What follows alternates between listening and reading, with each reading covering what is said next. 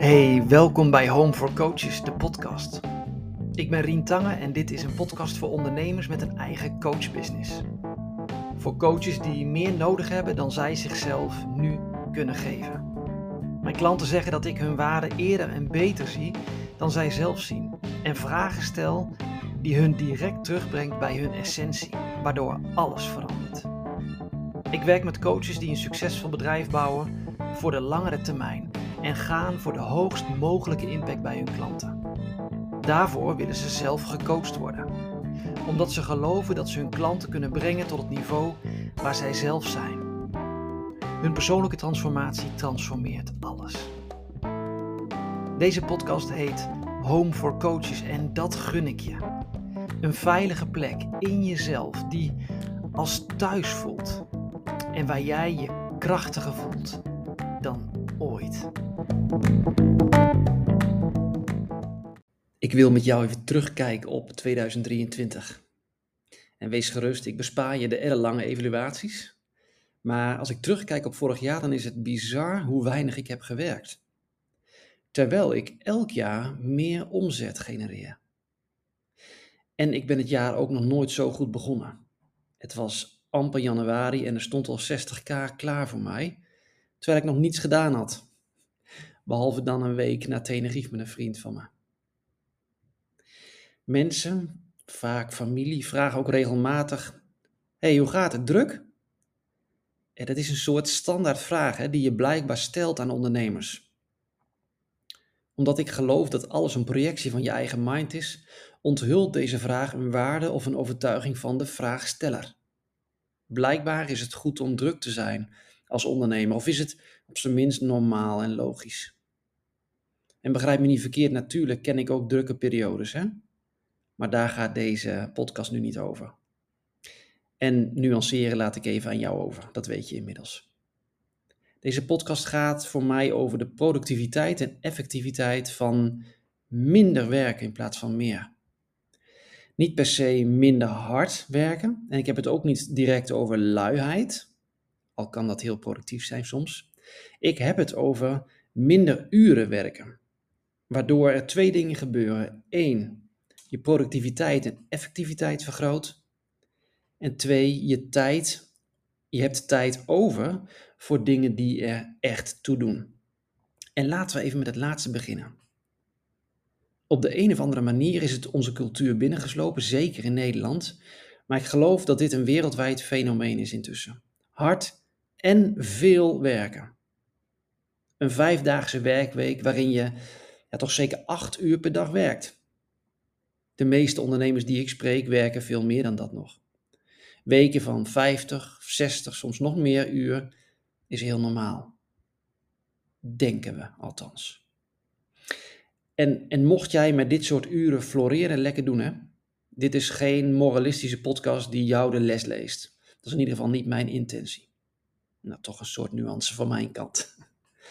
Het is mijn intentie om je aan het denken te zetten over hoe je leeft en hoe je jouw uren invult.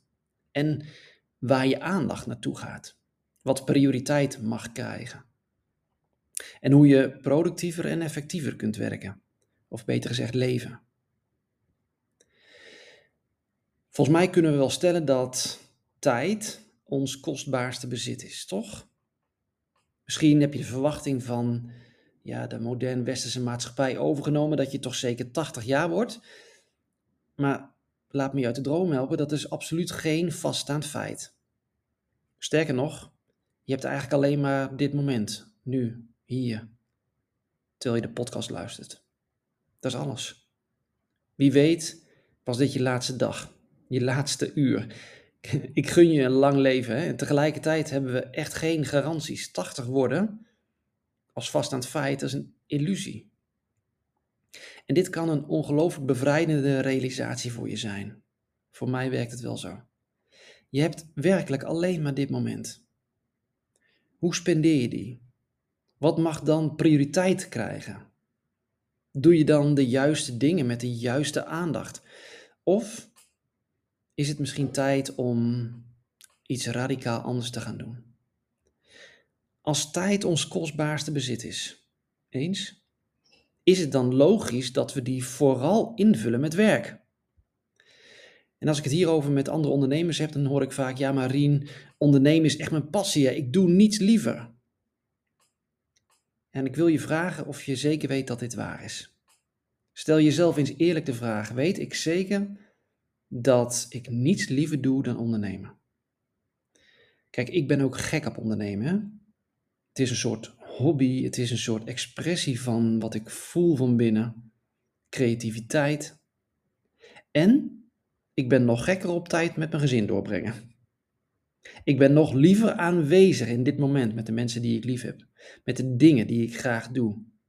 En, en nu wordt het interessant voor mij.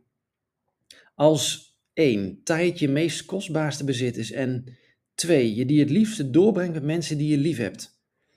Drie, hoe verhoudt de tijdsinvestering van je onderneming zich dan hiertoe? Ja, Marien, ik geef nu alles wat ik heb, zodat ik straks meer tijd heb voor wat echt belangrijk is. Ja, ik snap dat. En weer de vraag: weet je zeker dat dit waar is? En wat als straks niet bestaat of nooit komt? De kernvraag van wat ik zojuist zeg is of je tijd en aandacht in dit moment, en meer momenten heb je niet, vooral uitgaat naar de dingen die er echt toe doen. Ben je aanwezig in het hier en nu? En dan naar het eerste gedeelte van mijn punt. Minder werken vergroot je productiviteit en effectiviteit. Er zijn talloze wetenschappelijke onderzoeken die uitwijzen dat niets doen en verveling de bron zijn voor creativiteit en meer productiviteit en effectiviteit. Je week helemaal volproppen met werk resulteert in een soort ja, uitgewrongen handdoek. Er zijn geen oplaadmomenten. En ook s'nachts zul je op deze manier vaak minder diep slapen. En er is geen ruimte voor contemplatie. Dat is mijn woord voor 2024. Een soort stilte en bezinning. Dan Sullivan heeft er veel over geschreven. Zijn, zijn kernboodschap van zijn boeken zijn: je bereikt meer door minder te doen. Ja, en dat is volgens mij zo waar. En naast dat het wetenschappelijk bewezen is, ben ik zelf ook het lopende bewijs. En er zijn veel meer ondernemers die via dit principe werken. En knetter succesvol zijn. En ik infecteer al mijn klanten ermee. Ik werkte in 2023 gemiddeld ongeveer 20 uur per week. En dat is naar boven afgerond. In 2024 wil ik dit verder terugschroeven, terwijl mijn omzet blijft stijgen. Vind je dit lui? Nou stel jezelf eens de vraag, wat zegt dit over mijn overtuigingen rondom werk? En wil je daarin blijven geloven of is het tijd om de overtuigingen te bevragen? En luister ook eens naar de podcast All War Belongs on Paper, waarin ik je praktische tips geef om je overtuigingen te bevragen. Ik weet even niet uit mijn hoofd welke aflevering dat is. All War Belongs on Paper. Ik had in 2023 wekelijks 148 uur over om te slapen en te besteden aan dingen die er echt toe doen. Gebruik deze podcast eens om jouw routine kritisch te bekijken. Hoeveel uur per week besteed jij aan je onderneming? En is dat in verhouding met waar je prioriteiten liggen of zouden mogen liggen? Ben je werkelijk aanwezig in het moment? Ben je aanspreekbaar? Ben je benaderbaar?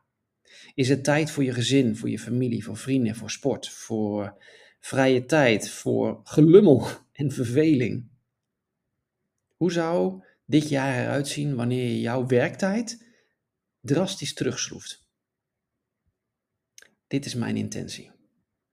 Drie uur per dag werken, drie dagen per week werken, drie weken per maand. Benieuwd naar die van jou. Laat het me gerust weten. Je weet me inmiddels te vinden. Je kunt ook in de show notes alle details vinden om mij uh, een berichtje te sturen. En dan nog één disclaimer, of toch een nuance, geef het een naam. Dit is geen fancy podcast die alleen maar toejuicht dat je een succesvolle onderneming kunt bouwen met heel weinig tijdsinvestering. Dat vind ik eigenlijk veel te oppervlakkig en, en bijna toxic. In mijn eerste jaar heb ik zeker meer dan 20 uur per week gewerkt en was ik dag en nacht bezig met het opzetten van mijn onderneming.